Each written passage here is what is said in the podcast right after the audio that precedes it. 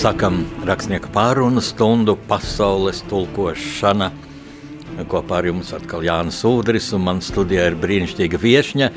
Tā ir Ines Vaidere, Eiropas parlamenta deputāte. Sveic tev, Ines, jaunajā gadā daudz laimes! Jā, daudz laimes arī tev un visiem, kas mūs klausās, lai mums katram izdodas un lai izdodas visiem kopā. Jā, Ines, nu, šis ir ļoti nozīmīgs gads Eiropas parlamentam, ja, jo ir vēlēšanas priekšā. Un man ienāca prātā tā dziesmu cāļu skaita rudenī, bet tā nu gan mūsu ļoti nopietnai mm, sarunai nebūtu piemērota. Un vairāk cāļus šajā gadījumā skaita pavasarī. Es tev gribu jautāt gan par Eiropas parlamentu kopumā gan par to, kā mūsu Latvijas deputātu grupas, nu, kura nav tā lielākā grupa, ja, jo tur deputātu skaits atkarīgs no valsts iedzīvotāju skaita. Ja.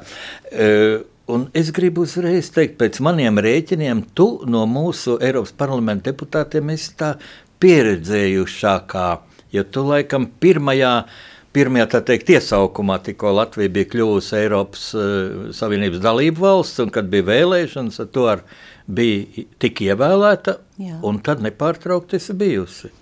Ak, jā, Dievs, mīlestības taču ir pār 20 gadiem. jā, būtībā tiešām tāda trešdaļa no mūža gandrīz vai ne, kā saka, ir pavadīta Eiropas parlamentā.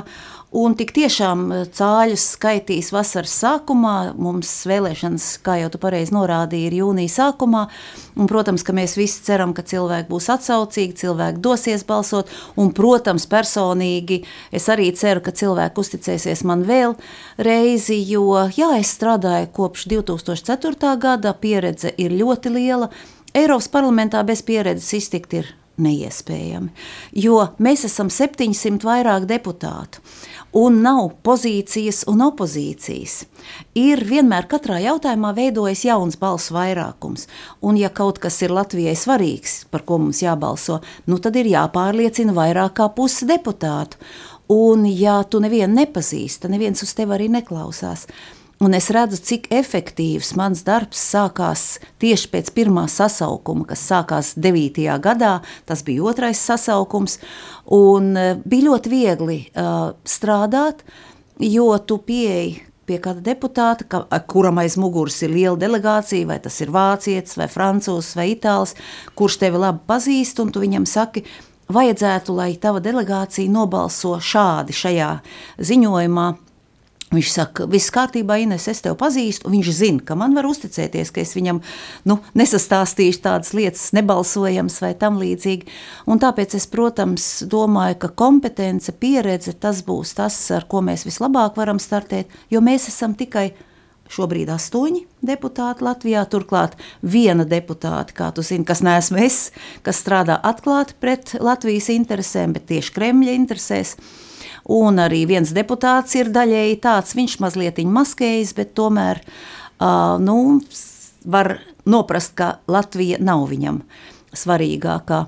Nu, tā kā saka, bet katrā ziņā pieci no astoņiem, es domāju, deputāti mēs strādājam um, apzinīgi un tiešām arī, es varu teikt, Latvijas labā. Un jā, es, man ir vislielākā pieredze uh, tik tiešām uh, no deputātiem, kas, kas tur strādā, nu, kas strādā Latvijas labā. Es, protams, vēlos to turpināt. Es domāju, te vietā tomēr atgādināt, tu jau teici, ka cerams, ka būs liela atsaucība, aktivitāte mūsu balsotājiem.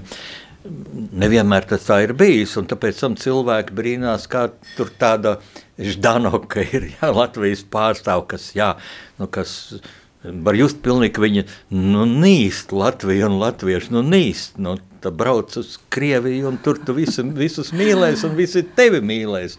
Ne viņas sēž šeit, viņa ir nu, nu, zini, enerģijas vampīrs. Nu, es ceru, ka es viņu neapvainoju, es tikai konstatēju, bet nu, jā, arī apvainoju. Nu, zini, liela lieta pelnīt. tā ir Latvijā.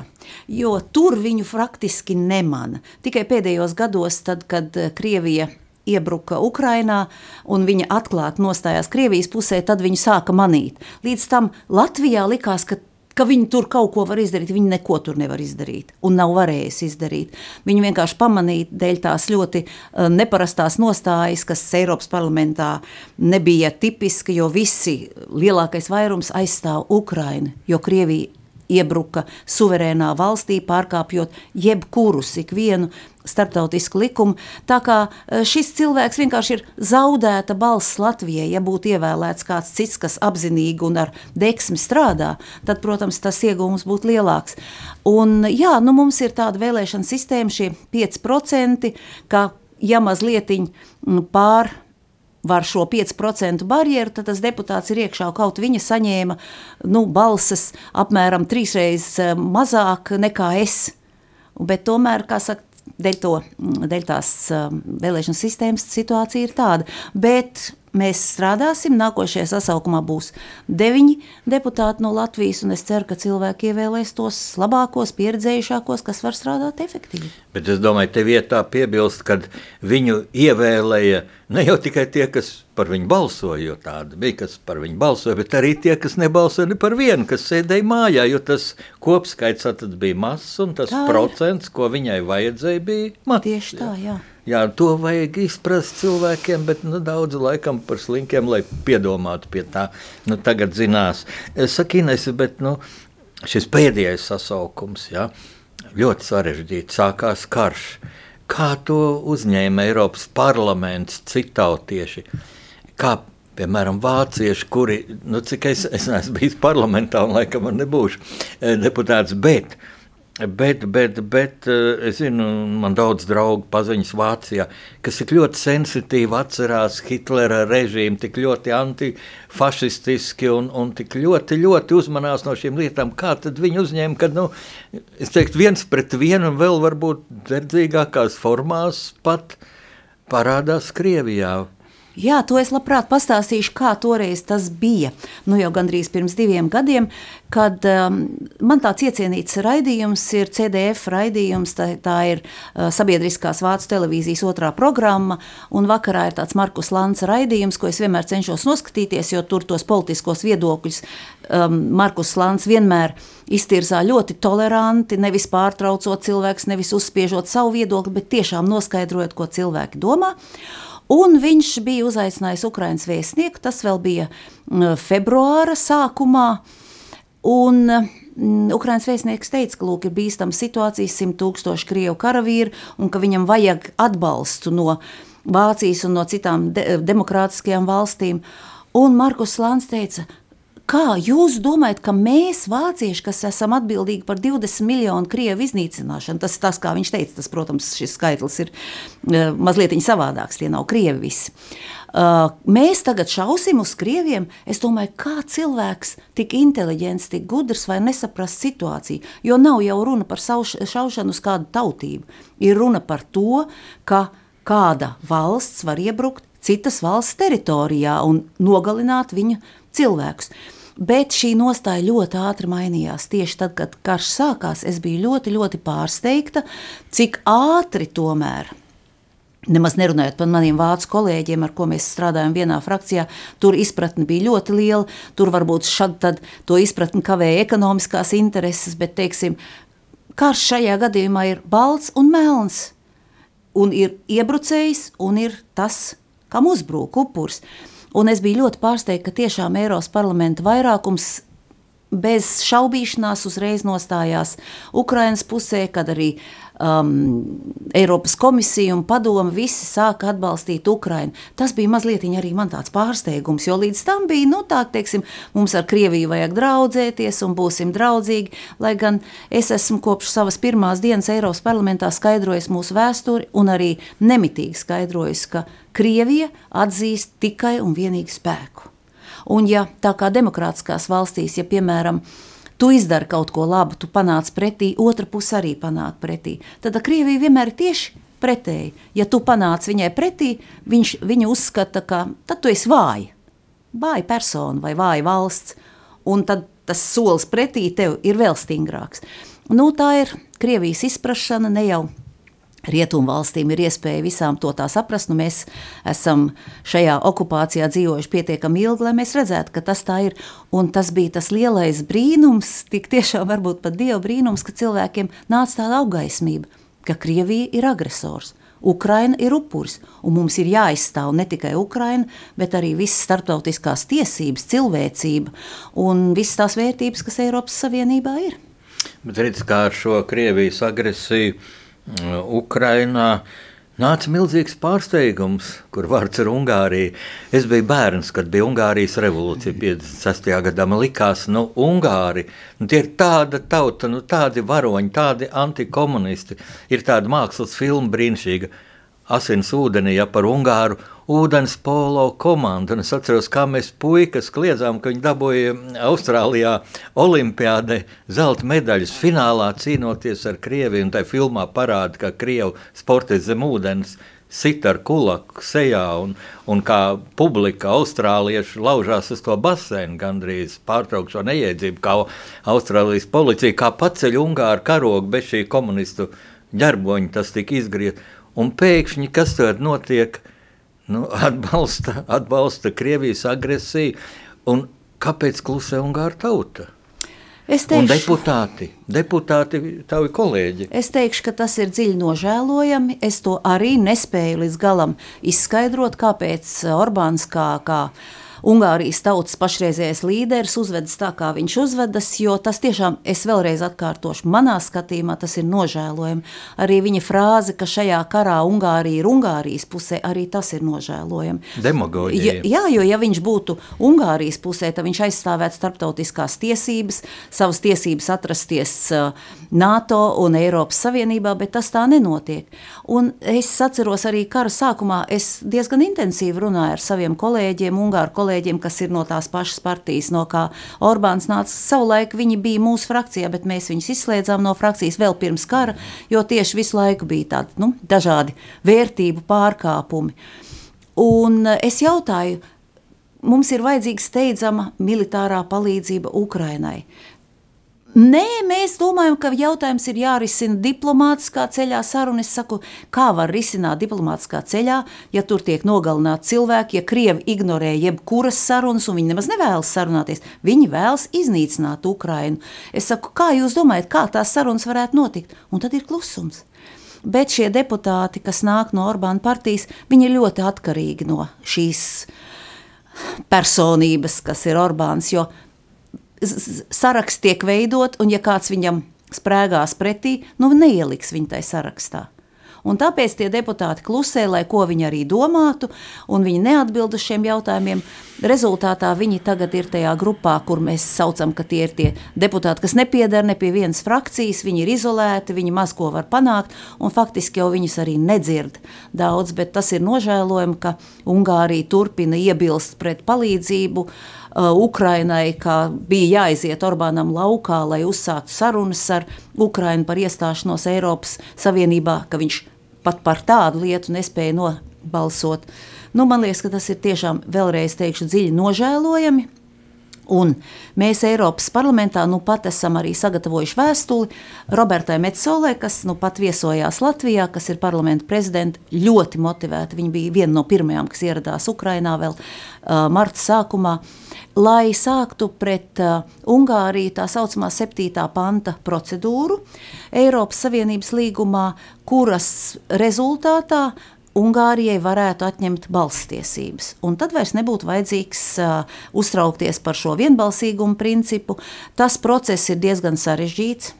Jo vispirms ir jāpierāda, ka Ungārija sistemātiski pārkāpj šīs vērtības un ignorē ir pēc tam Ungārijai ir tiesības paskaidrot, rakstīt, pētīt. Tas varētu vilkties diezgan ilgi, bet arī šis žests, šis signāls, ka Ungārijai var tikt atņemtas balstiesības, es domāju, tas būtu pilnīgi skaidrs.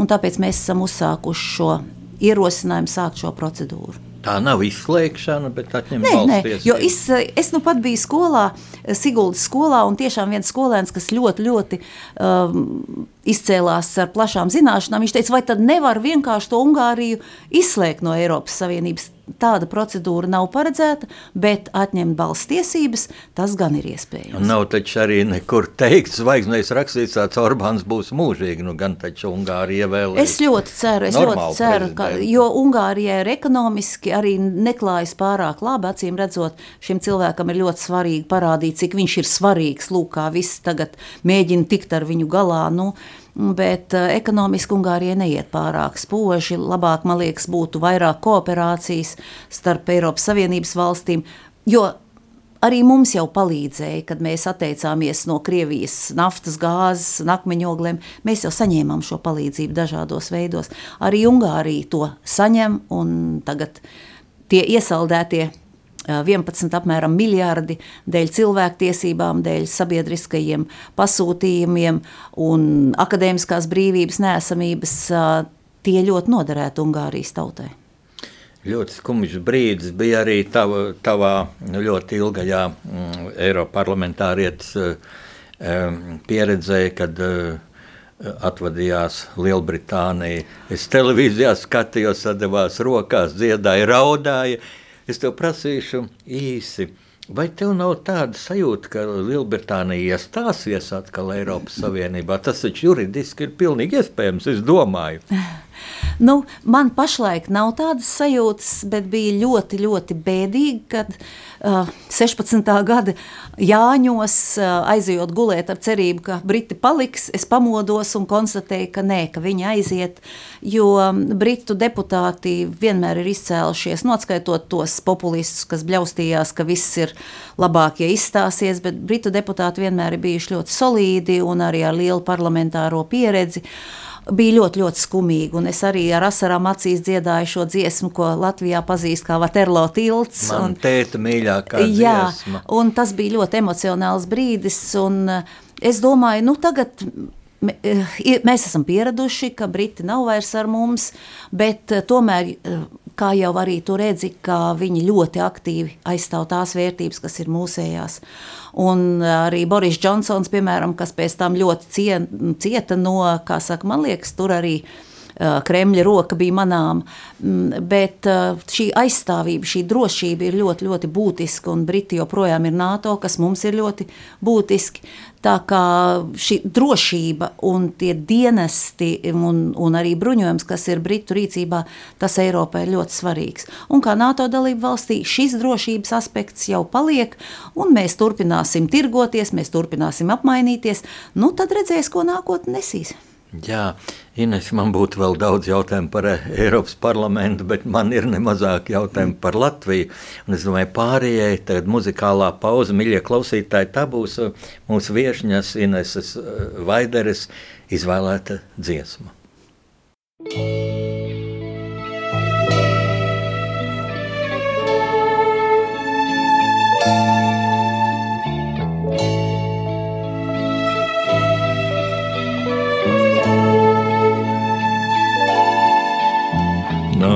Rudens apgleznot Latviju, bet nepūlies necenties tā.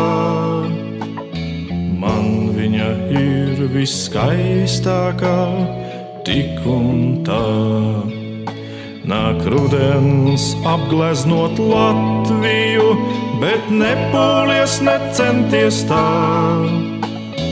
Man viņa ir viskaistākā tik un tā. Mazliet par lielu, lai sasildot, savu lakatu dotu, par lielu, lai paņemtu klēpī un apmīļotu. Mazliet par mazu, lai palaistu vienu pasaules plašajos ceļos, par mazu, lai laistu vienu es līdzi ceļos. Nāk rudens, izgreznot Latviju, bet nepūlies, necenties tā. Mums viņa ir viskaistākā, tik un tā.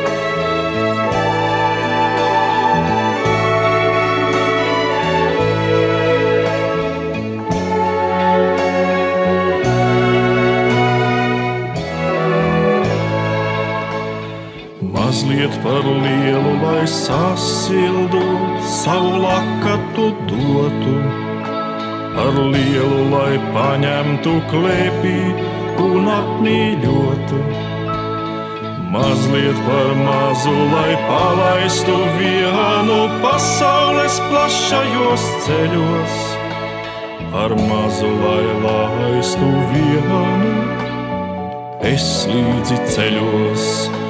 Nāk rudens, izgreznot Latviju, bet nepūlies, necenties tā. Mums viņa ir viskaistākā tik un tā. Nāk rudens, izgreznot Latviju, bet nepūlies, necenties tā.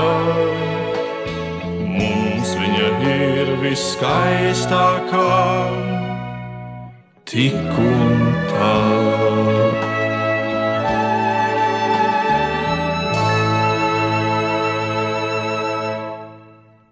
Šeit Rādio Marija Latvijas skan rakstniekā pārunas stunda pasaules tulkošana, un studijā ir mūsu viešņa Eiropas parlamenta deputāte Ines Vaidere.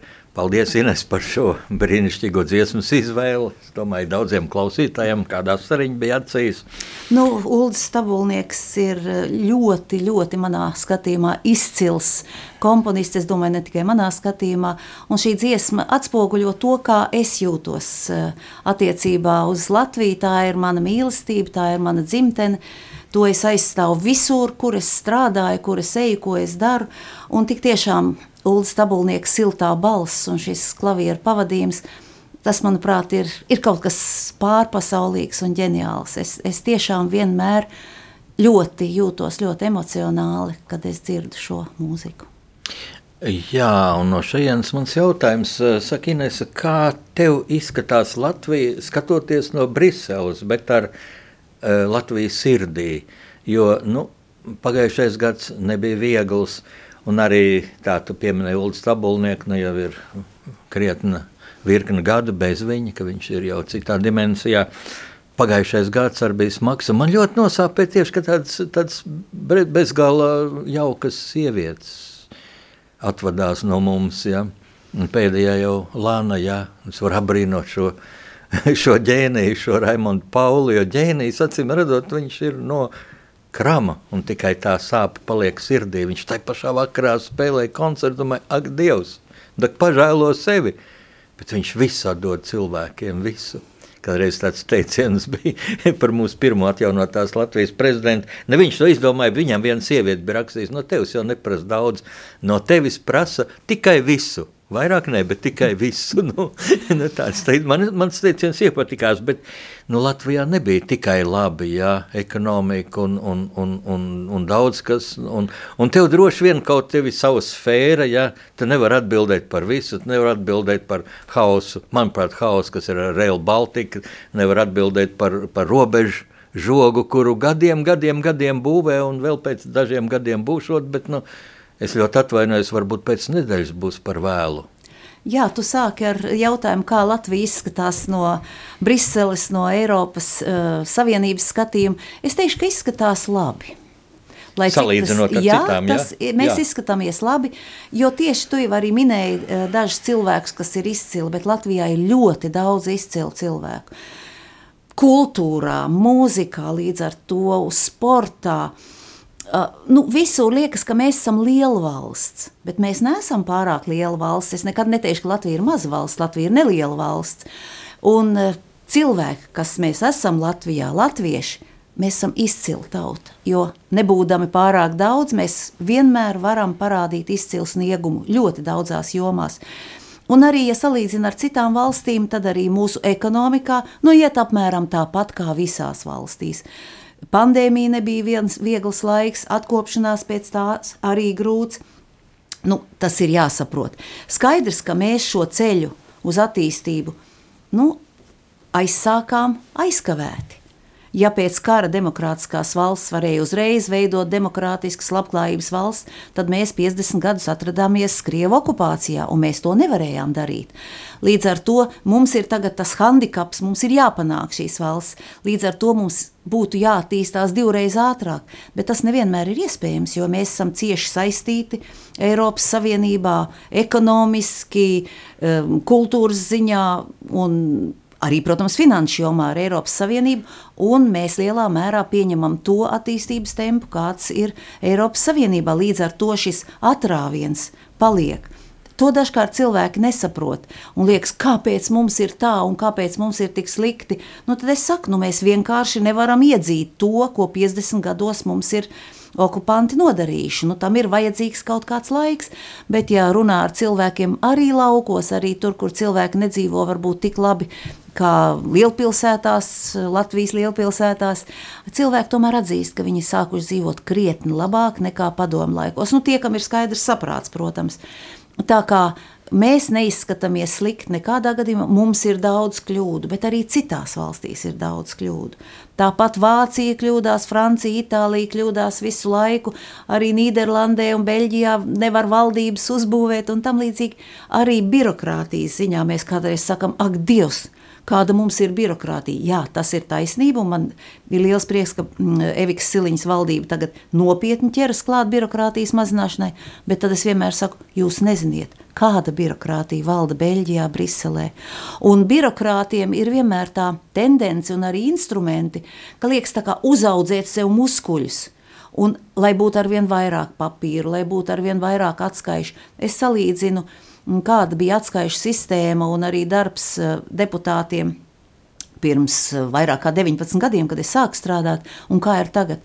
Mums ir ārkārtīgi daudz atskaišu, papīru, formulāru, un līdz ar to ir vajadzīgs pieņemt darbā papildus cilvēkus. Un tas audzē to birokrātiju. Un, ja tu jūti, kāds birokrāts ir kaut kur kļūdījies, nu tad ir ārkārtīgi grūti pierādīt, ka tieši viņš ir kļūdījies. Jo vienmēr ir kaut kāds papīrs, kaut kāds pants, kur viņam tā teikt atsisties no tādas atbildības. Tā kā nu, Latvija kopumā izskatās, izskatās pietiekami labi. Jā, bet ja par problēmām, kura tavuprāt Latvijā lielākā problēma, ko teiksim tu, nu ja viens cilvēks varētu tā uzrakstīt šo mēs likvidējam, noņemam Latviju šo slogu. Ja? E, kas tas būtu? Nu, tā fantazēsim. Nu, fantazējot, nemaz nav ļoti jāfantazē. Latvijai ļoti enerģiski ir jāiekļaujas jaunajā ekonomikā. Mums nav naftas akmeņogļu, mums nav dimantu, bet mums ir tiešām izcili cilvēki, izcili prāti. Un šis jaunais ekonomikas virziens, ko dažkārt apzīmē ar zaļo kursu, bet nu, šis kurs nav zaļš, bet viņš ir saprātīgs kur ar mācāmies strādāt ar mazāk resursiem un vairāk inovāciju. Un tās Latvijas firmas, kompānijas, kas strādā šādā virzienā, tās jau darbojas pasaules mērogā. Tātad mums vajadzētu vairāk palīdzības un atbalsta. Nevienmēr finanšu, bet dažkārt vienkārši palīdzēt attīstīties šīm nelielajām, dažkārt arī lielajām, inovatīvajām firmām, iekļauties pasaules apritē un arī nopelnīt līdz ar to. Un varbūt mazāk orientēties uz kaut kādām vecām nozarēm, bet cilvēkiem palīdzēt pārkvalificēties. Iemācīt vairāk um, IT zināšanu, respektīvi par mūsdienu tehnoloģiskajām iespējām. Jā, arī mākslīgais intelekts, par ko Eiropas parlamentā mēs pieņēmām pirmo likumu pasaulē, kā to izmantot racionāli, bet ne tā, lai tas varētu manipulēt ar cilvēku prātiem.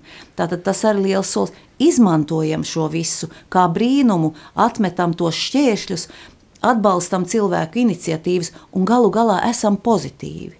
Beidzam nepamatot kritizēt. Es arī zinu, kādreiz es izdaru kādu labu darbu, es paziņoju par to Facebook, piemēram, un kādreiz tie komentāri ir tādi, ka ne, nav jau runa par to ko es esmu izdarījis. Jo tur nevienam nav ko teikt, bet tik negatīvi tevi nolīdzina līdz ar zemi un ļoti personiski. Un es domāju, nu kāpēc, kāpēc mēs nevarētu labas lietas arī atzīt, ka ir izdarīts, ja ir par ko kritizēt? Protams, bet tās tā nepamatotā un vienmēr negatīvā kritika, un es kādreiz paskatos arī, kas, piemēram, ir šis cilvēks, nu, kas, teiksim, man tā rupi ir uzbrucis. Es pastos viņam visu informāciju savot Facebookā, Krievu valodā.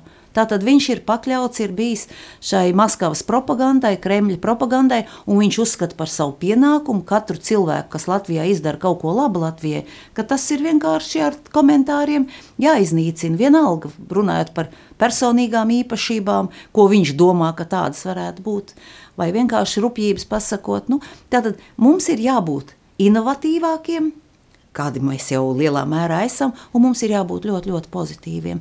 Tad, jo nu, cilvēkam, ja viņš ir pozitīvs, tad viss veids labāk. Nevis, ja tu ar smaguma sajūtu dodies pasaulē un no rīta atver acis un domā, kā es varētu kādam kaut ko sliktu izdarīt, tad jau neko īsti nevar izdarīt. Bet, ja domās, ko es varu labu izdarīt, kā es varu cilvēkiem palīdzēt, kā es varu pats sev palīdzēt, tad jau arī paveiksies.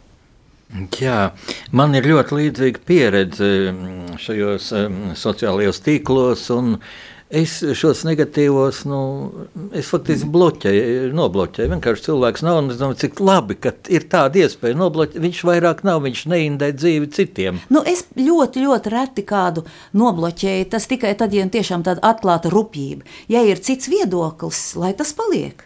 Kāpēc gan ne? Jā, protams, protams, bet nu, vienkārši rupji apvainojumi, nu, teiksim, uh, ja politiķis, ja nu, pie manis ir politiķi, lai gan es tāds princips es nerisinām partiju lietas un tādas lietas, bet vienkārši valstis kopumā. Ja, Bet, nu, ja politiķis valsts apzadzējis, ja, nu, jā, nu, vai cik tā. tu pelni un tā, nu, jā, jā, nu, nu, cik, piemēram, Eiropa, es, es, es nejautāju tad, ja, ne, ne, bet es, Sandrai, es atceros vienreiz laukos, cik jūs pelnat, bet to naudu jau nemaksā pat Latvijas budžets. Bet, jā, es, to bet gan gribētu, es to gan gribētu pateikt, jā. es savu amatu nekad neesmu nopirkusi vai mantojusi. Jā, jā, jā. Katram latvietim, katram Latvijas pilsonim ir tiesības startēt vēlēšanās un šo amatu iegūt. Es esmu to izdarījis ar savu darbu darbu, pārliecinot cilvēkus, atrodot atbalstu cilvēku vidū.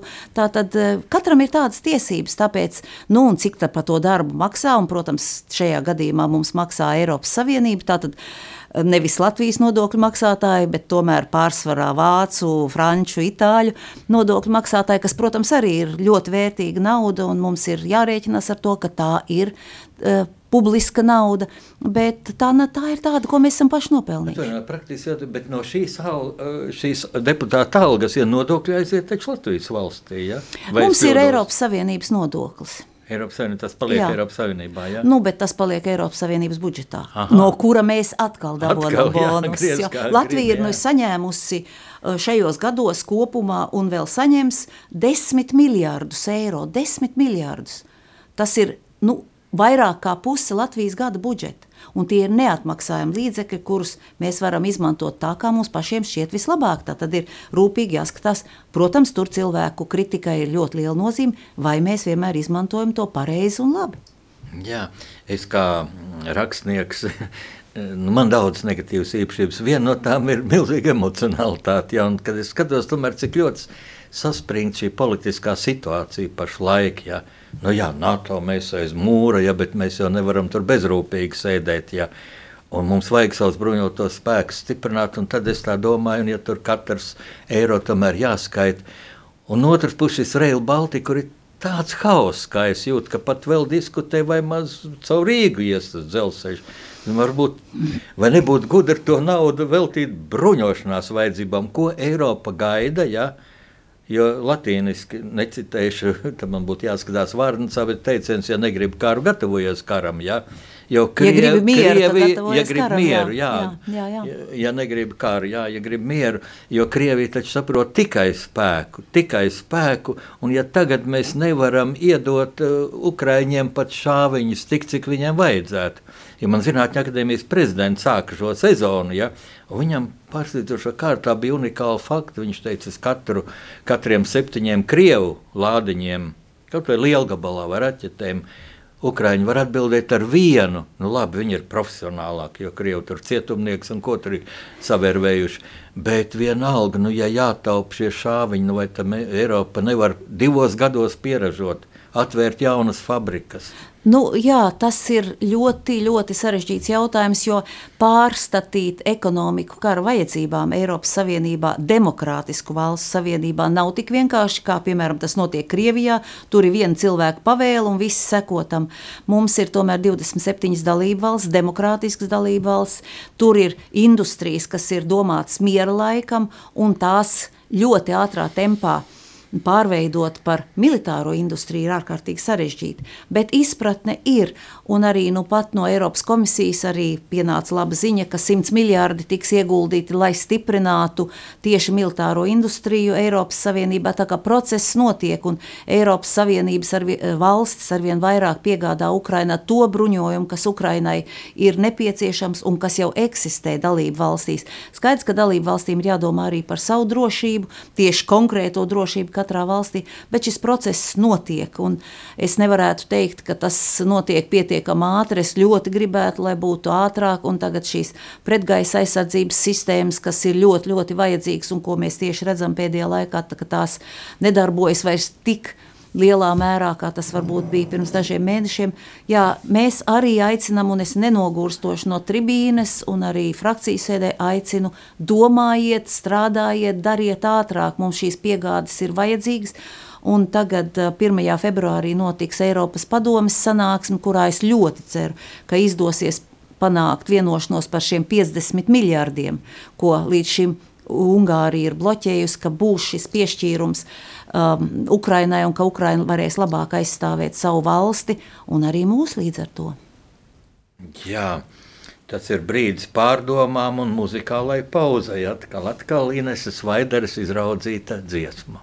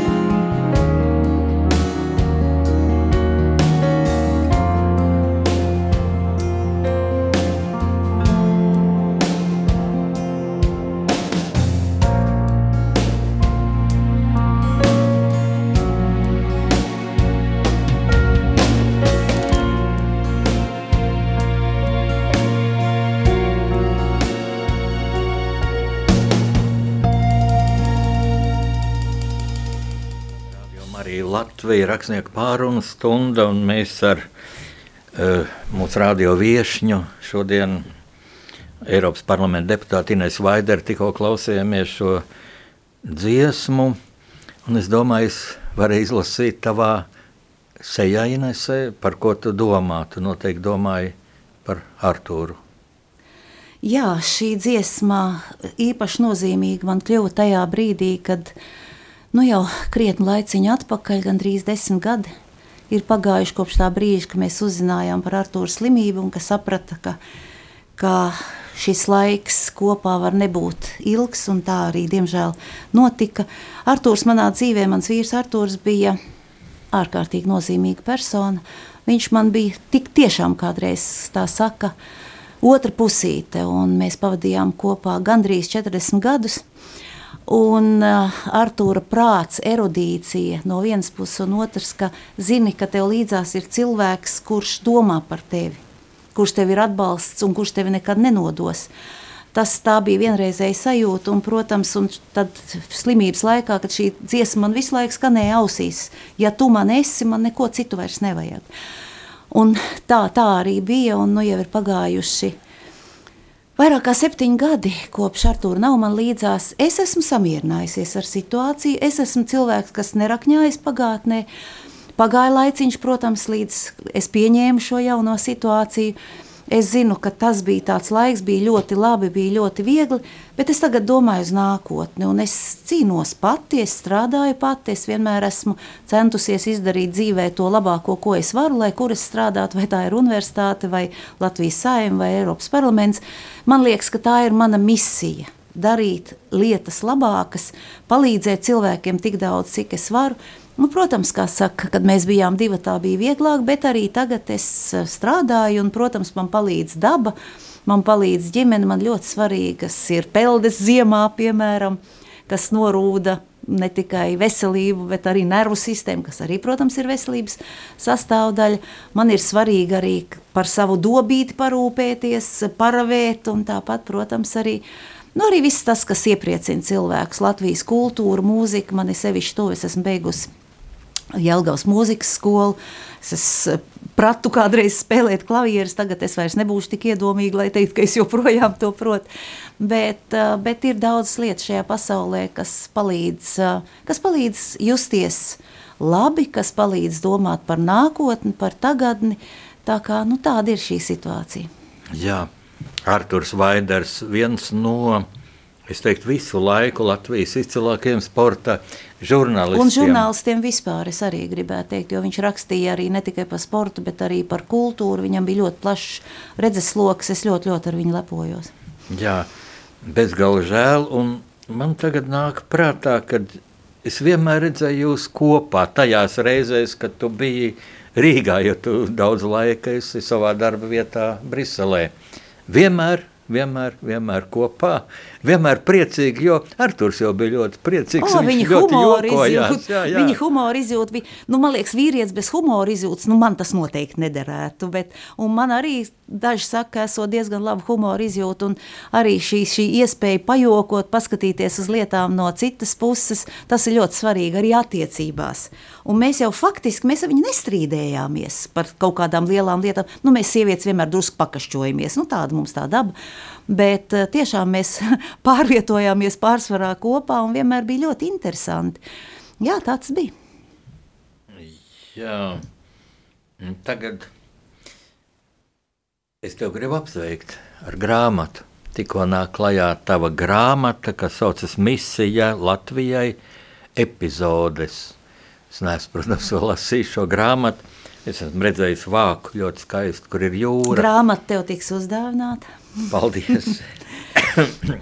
jūra un skaista sieviete jūras krastā. Sieviete baltā tērpā iet viena gar jūru Bet man kāpēc liekas, ka šī sieviete, tā esi tu, ka viņa nav viena, ka šeit ir jūra, ka, ka šeit ir nu, bezgalība, ko sevi nes jūra, un varbūt arī šeit ir Artūra piemiņa. Eh, kā jau es teicu, es, jā, protams, tas tur ir, bet es skatos tagadnē, es skatos nākotnē.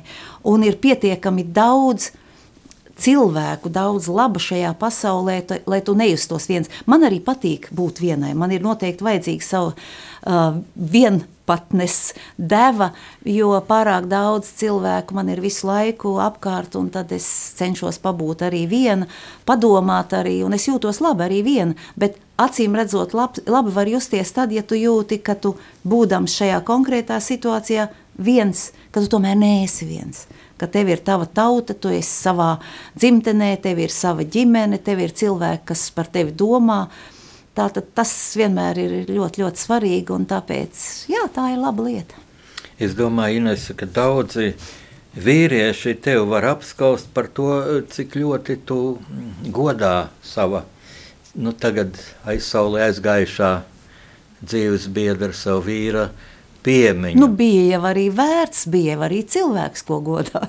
tā kā jā, jā, tas tāda personība nav daudz. Un tā viņa ļoti labvēlīgā attieksme pret citiem, rūpes par citiem cilvēkiem, nekad nenostādot sevi augstāk, bet tieši otrādi rūpējoties, nu, tas Artūri ir atšķīrs no ļoti, ļoti daudziem cilvēkiem. Varbūt pasaka klausītājiem, kas ir tas lielākais projekts ar Artūru vārdu, Artūra kausīs cīņa, jā? Ja? Jā, pašlaik mēs arī Artūra Vaidera fonds, kuru es pārstāvu, vakar piešķīra balvu gada sporta žurnālists.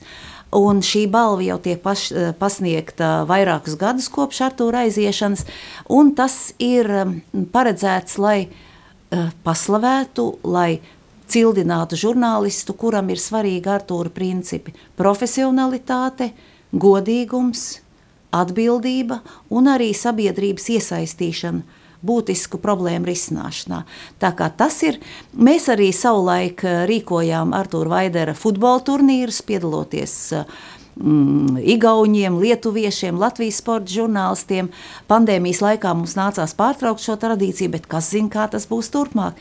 Tas ir tādas lietas, kas, manuprāt, ir ļoti vispār cilvēciskas un ļoti svarīgas, šīs īpašības, šī pieeja dzīvē. Tā kā caur tādām balvām, caur arī caur pieminēšanu atmiņām, mēs domājam šīs vērtības arī turpināt uh, popularizēt. Jā, mm, no kurienes jūs abi esat nākuši? No diezgan tā, tālām vietām Latvijā, ja, jo tu esi dzimusi Jelgavā, Jelgavnieci, ja tavs, tavu mamma bija pedagoģe. Uh, skolas direktora, manuprāt, jā? Es esmu tiešām dzimusi Jelgavā. Un Jelgava, kā zināms, Mītāu vēl savulaik bija viens no centriem. Un es esmu ļoti lepna, ka Jelgavā ir un Jelgavas apkārtnē dzimuši tādi uh, pazīstami cilvēki, kā, nu, jā, kā saka, piemēram, Čakste un, un, un arī citas izcils personības. Man, ar, es to ļoti lepojos, ka es esmu dzimusi tajā pašā vietā. Jā, es esmu uh, Um, jā, man vecāki abi strādāja skolā. Mans tēvs bija ļoti labs skolotājs. Viņš pasniedz matemātiku, bioloģiju, bet viņam bija arī zelta rokas.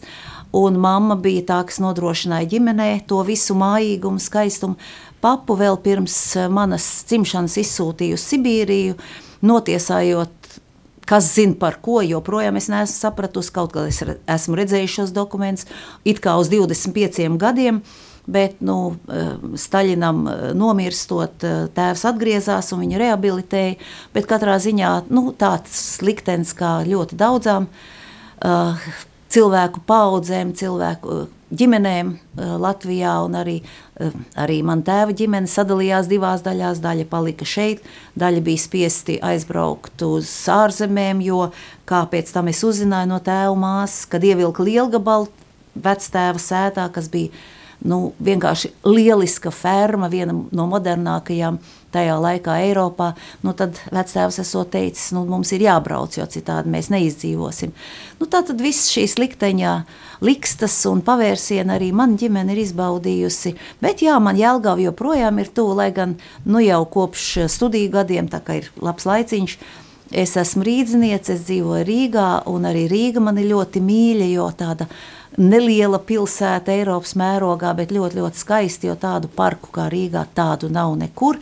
Arī Vecrīga ar savu omulību, ar savām celtnēm. Nu, protams, es vēlētos kaut ātrāk notiktu restaurācijas un ka mēs varētu redzēt, ka Vecrīga patiešām uzplaukst un arī šis bulvāru loks uh, ar visu jūgenstilu. Nu, katrā ziņā mani kolēģi no Eiropas parlamenta, kurus es esmu uzaicinājis kādreiz apmeklēt Rīgu, viņi visi ir sajūsmā. Un kādreiz liekas, mēs paši to nemaz nenovērtējam, to mūsu skaistumu, arī, piemēram, operu, arī mūsu izcilo kultūru. Nu, par dziesmu svētkiem vispār nerunājot, tur visi nevar iedomāties, kā 13,000 cilvēku var būt uz skatuves un 10,000 būt zālē un klausīties, bet, kad atbrauc un to visu izbauda, tad viņi saka, ja tas ir kaut kas, nu mēģināsim lepoties ar to, kas mums ir. Jā, tāds pilsēt, pilsētniecis vēriens tavos vārdos, bet Artūrs savukārt nu, lauka puisis no Zilo ezeru zemes. Ja, kā to vietu sauc, kur mazu uh, skoliņu, kur, kurā viņš viņa pirmo skolu, kur tu tā man ir, teici, ka ilg, ilgus gadus bija viņam uh, rekords tālēkšanā skolas rekords, ja, desmitiem gadus laikam. Pat 40 gadus tas vai, rekords vai, vai. bija, jā, jā. Tā ir Vārkavas vidusskola, līdz tam viņš mācījās Arendolas pamatskolā, ļoti latviska vide tur un ļoti patriotiska vide skaistās Dubnas krastā.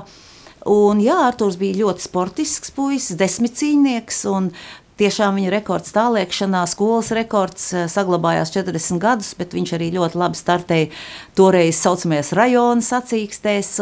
Tas sportiskais dzīvesveids arī ir tiešām tas, kas mūsu ģimenē visus raksturo. Arī manas meitas un arī uh, pārējie ģimenes locekļi ļoti sportiski. Mēs uh, esam tādi, kas skrien, peld, spēlē spēles un kustība manā dzīvē, kustība ir ārkārtīgi svarīga. Man visgrūtākais ir kādā sanāksmē nosēdēt stundu vai pusotras stundas. Es jūtos tā, ka man nu, jāiziet, jāizstaigājās, un arī tad, ja ir kāds stress, tad to vislabāk ir mazināt tieši ar pastaigām, ar skriešanu.